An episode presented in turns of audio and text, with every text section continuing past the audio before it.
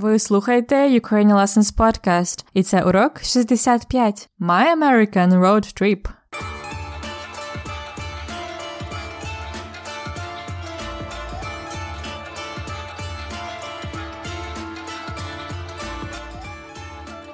Привіт-привіт! Це Анна, ваша вчителька української. І ви слухаєте подкаст Уроки української, аудіоуроки для всіх, хто вивчає і любить українську мову. І це перший епізод у 2018 році. Ура! З Новим роком! У нас на подкасті була перерва. Я відпочивала, багато подорожувала і думала про нові ідеї для уроків для вас. Але тепер я повертаюся до роботи і подкасту. Тож завантажуйте нові епізоди, як завжди, кожного тижня у середу. Наступного уроку ви будете слухати новий діалог, вивчати граматику, але сьогодні я пропоную вам послухати мою розповідь про мою неймовірну подорож на заході США.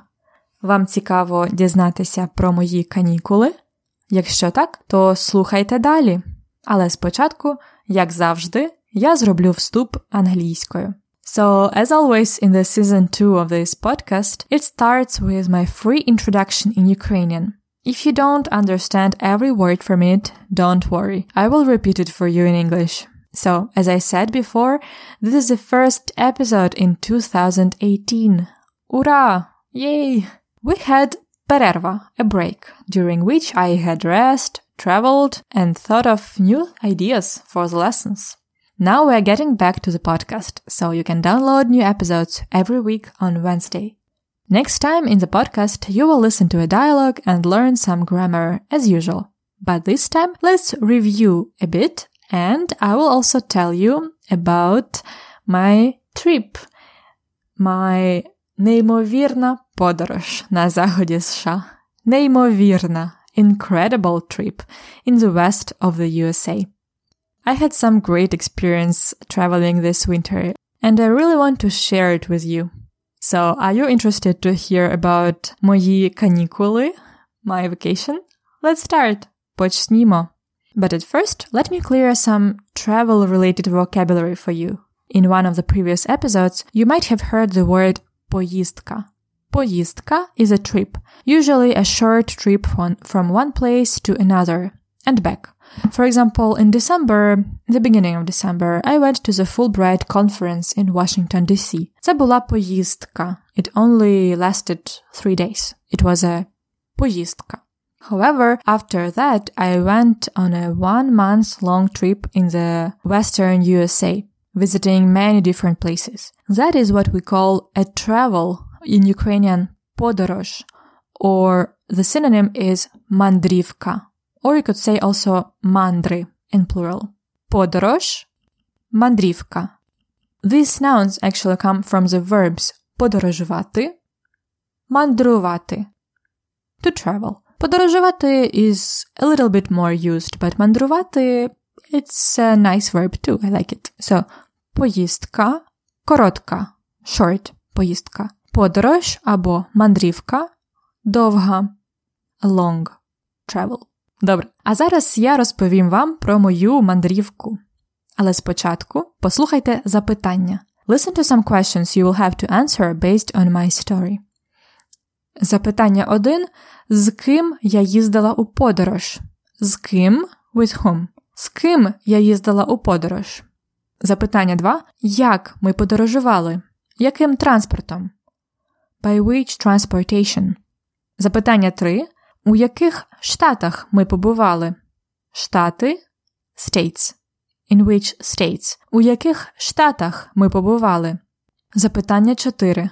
Які місця ми відвідали? Місця places. Які місця ми відвідали? Запитання 5. З ким я зустрілась біля Сан-Франциско? З ким я зустрілась біля Сан-Франциско? Who did I meet near San Francisco? Запитання 6. З ким я зустріла Новий рік? Зустріти Новий рік. Remember, it's to meet New Year as we say it in Ukraine, or to celebrate New Year in English. Запитання 7. Що я робила на Різдво? Різдво Christmas. Що я робила на Різдво? І запитання 8. Скільки миль ми проїхали машиною? Скільки кілометрів? Скільки миль? Миля mile. Кілометр, you know. Скільки? How many? Добре, почнімо. Ви готові слухати мою розповідь? Я буду говорити не дуже швидко. Добре? На зимових канікулах ми з моїм хлопцем їздили у подорож на заході Америки. Ми прилетіли в Лос-Анджелес і там взяли на прокат машину. Подорож була дуже насичена. Ми були в дорозі кожного дня. Ми бачили пустелі Каліфорнії та Аризони, Великий каньйон, звичайно, а також долину монументів, унікальну резервацію племені Навахо. Найбільше мені сподобалася природа у штаті Юта, національний парк Каньйон Ленс, скелі Арки, Каньйон Брайс і Зайон. У Неваді ми відвідали долину смерті. І Лас-Вегас це шалене місто. У Каліфорнії ми гуляли між гігантськими секвоями і водоспадами парку Йосеміті.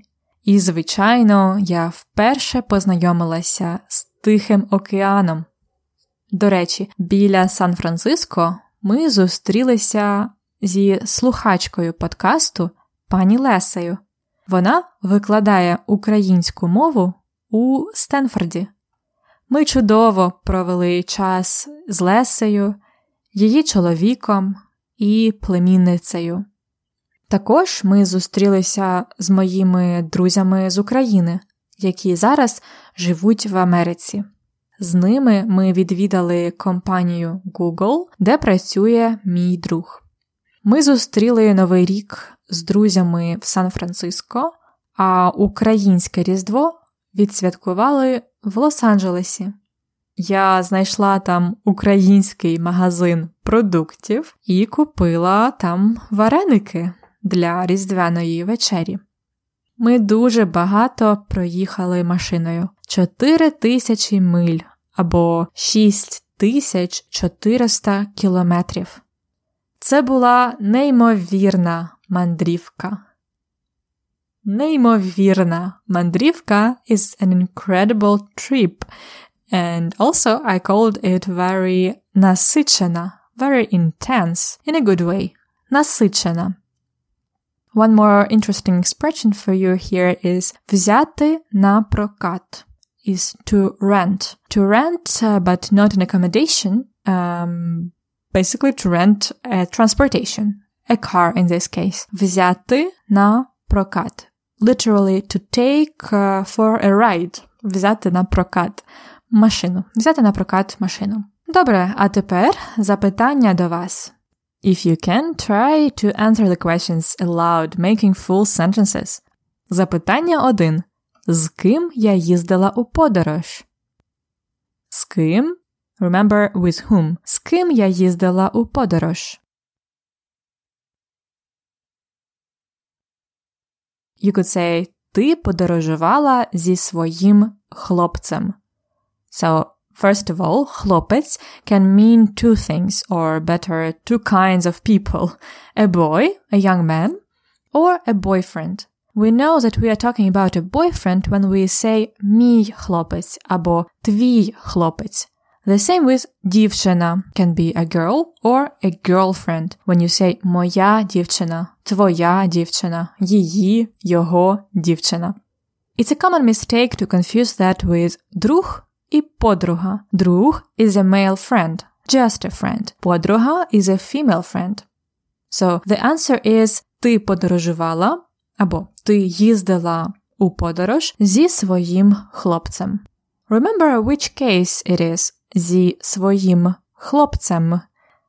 З ми вживаємо з орудним відмінком. We use з with instrumental case. Хлопець is a masculine noun with a soft ending. хлопець. So, орудний відмінок is am хлопцем. E drops. Хлопцем. Зі своїм хлопцем. Повторіть. Зі своїм хлопцем. Зі своїм means with your boyfriend, but like with one's boyfriend. Своїм we use instead of different pronouns like моїм, твоїм, його, її. We can just uh, substitute it by своїм. It would refer to the subject of the sentence. So, what if you wanted to say with a girlfriend, with your girlfriend? What it would be?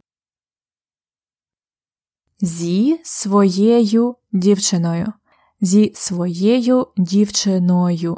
Ою is a feminine noun ending in instrumental.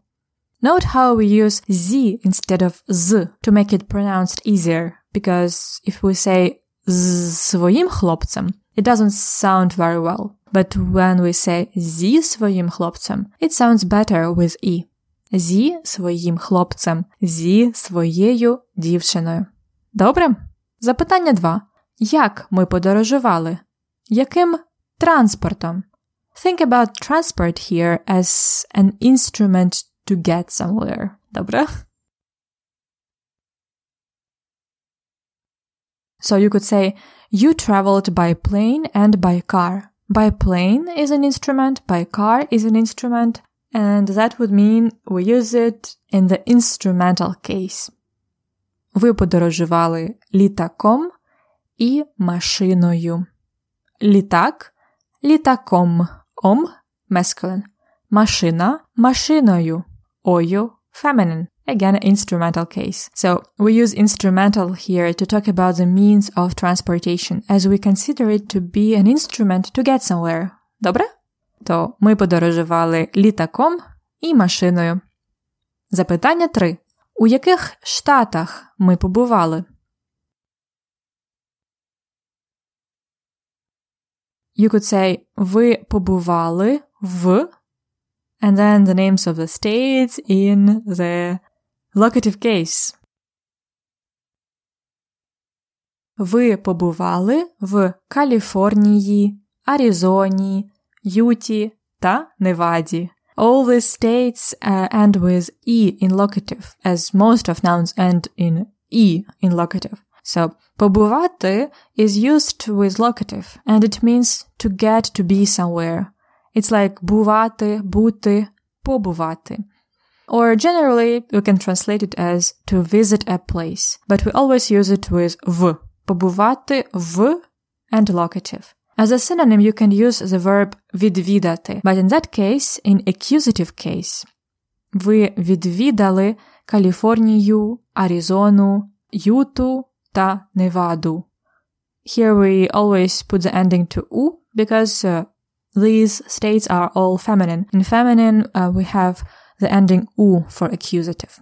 Запитання 4 will have similar kind of verbs. Які місця ми відвідали? Які місця ми відвідали? Місця places. Ну, ми відвідали багато місць. Here are some of the places you could have remembered. Ми відвідали пустелі. Пустелі are um, deserts. Національні парки, national parks, and you could uh, have given some examples like Великий каньйон, Великий, Grand Canyon, арки, arches, canyonlands, no translation. Canyon Bryce, the name of the canyon. Zion, Долина смерті. Долина is a valley. Смерть is death. Долина смерті. Йосеміті. Також ми відвідали міста, наприклад, Лас-Вегас, Сан-Франциско, Лос-Анджелес. І, звичайно, ми відвідали Тихий океан. So you could say, ви відвідали пустелі, національні парки, міста, Тихий океан. Або You could again use the alternative verb побувати в plus місцевий відмінок. And uh, that would be ви побували в пустелях, у національних парках, у містах і на Тихому океані. We used uh, національних парках, uh, містах, пустелях. All these are nouns in locative plural ending with ах-ях. Добре, запитання 5. З ким я зустрілась біля Сан-Франциско? З ким means with whom. Ким is an instrumental form of хто, who. Try to translate that using the instrumental case. You met, in Ukrainian we would add with, a female podcast listener, her husband, and niece.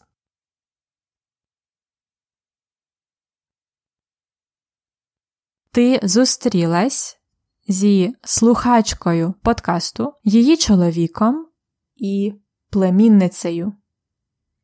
Слухачкою подкасту, слухачка, слухачкою, чоловік, чоловіком, племінниця, ніс, племінницею. Because племінниця is soft at the end, so we choose uh, the ending ею.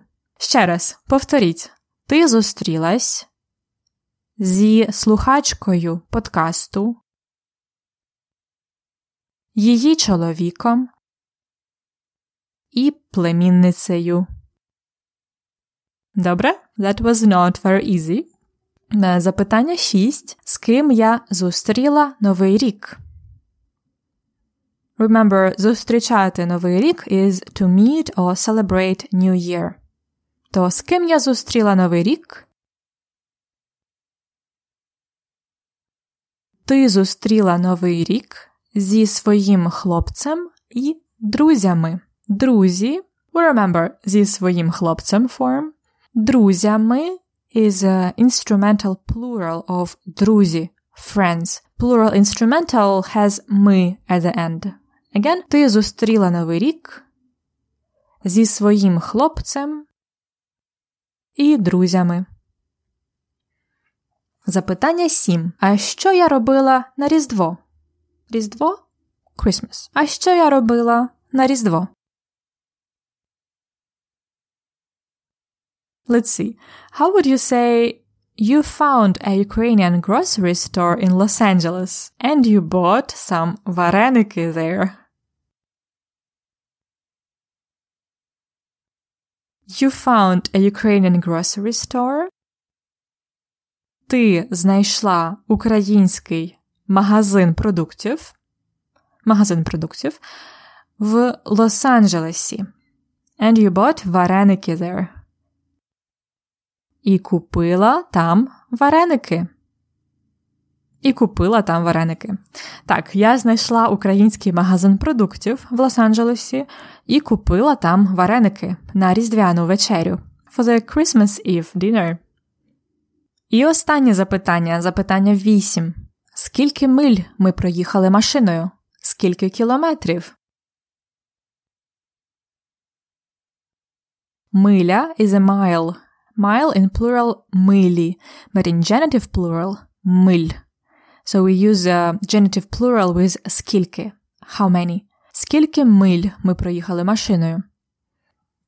Ви проїхали 4 тисячі миль. 4 тисячі миль. Again, we use миль in genitive plural. А скільки кілометрів ми проїхали? Ми проїхали 6400 кілометрів. 6400 кілометрів. Добре, добре. Тепер ви знаєте багато про мою подорож. А зараз послухайте мою розповідь ще раз. Тепер у звичайній швидкості. At a normal pace now. Готові? На зимових канікулах ми з моїм хлопцем їздили у подорож на заході Америки. Ми прилетіли в Лос-Анджелес і там взяли на прокат машину. Подорож була дуже насичена. Ми були в дорозі кожного дня. Ми бачили пустелі Каліфорнії та Аризони, Великий каньйон, звичайно, а також долину монументів, унікальну резервацію племені Навахо. Найбільше мені сподобалася природа в штаті Юта, національний парк Каньйон Ленс, скелі Арки, Каньйон Брайс і Зайон. У Неваді ми відвідали долину смерті і Лас-Вегас. Це шалене місто. У Каліфорнії ми гуляли між гігантськими секвоями і водоспадами парку Йосеміті. І, звичайно, я вперше познайомилася з Тихим океаном. До речі, біля Сан-Франциско ми зустрілися зі слухачкою подкасту пані Лесею. Вона викладає українську мову у Стенфорді. Ми чудово провели час з Лесею, її чоловіком і племінницею. Також ми зустрілися з моїми друзями з України, які зараз живуть в Америці. З ними ми відвідали компанію Google, де працює мій друг. Ми зустріли Новий рік з друзями в Сан-Франциско, а українське Різдво відсвяткували в Лос-Анджелесі. Я знайшла український магазин продуктів і купила там вареники для різдвяної вечері. Ми дуже багато проїхали машиною 4 тисячі миль або 6400 кілометрів. Це була неймовірна мандрівка.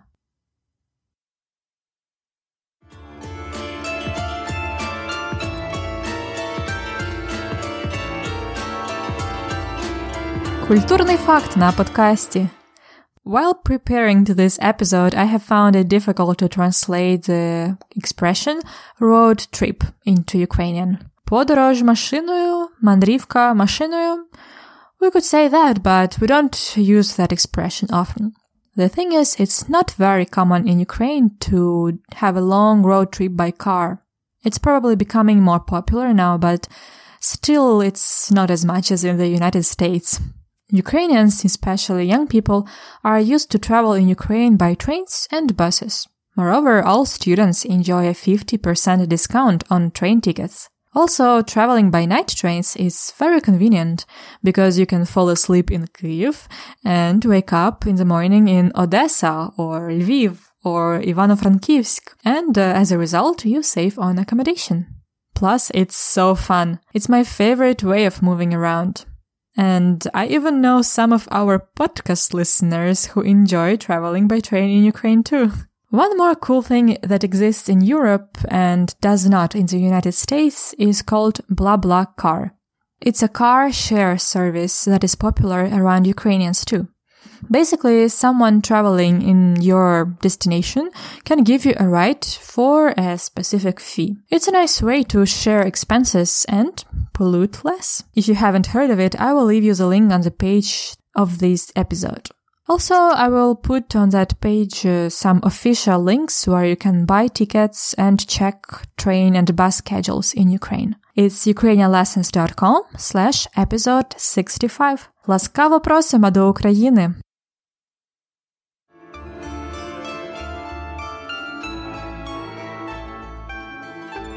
І це все на сьогодні. Сподіваюсь, вам сподобалась моя історія.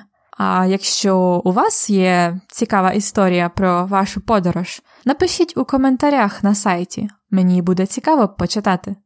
As always, this episode has some supplementary materials for your learning. It's a PDF guide with a transcript of all the Ukrainian parts, translation to English, questions and answers uh, from today's episode, a word list with some new words, and two exercises. You can receive those lesson notes weekly and also get the ones from the previous episodes by becoming a premium member. Find out more about the membership at ukrainianlessons.com slash episode 65. ukrainianlessons.com slash episode 65. Гарного вам дня чи вечора. До побачення!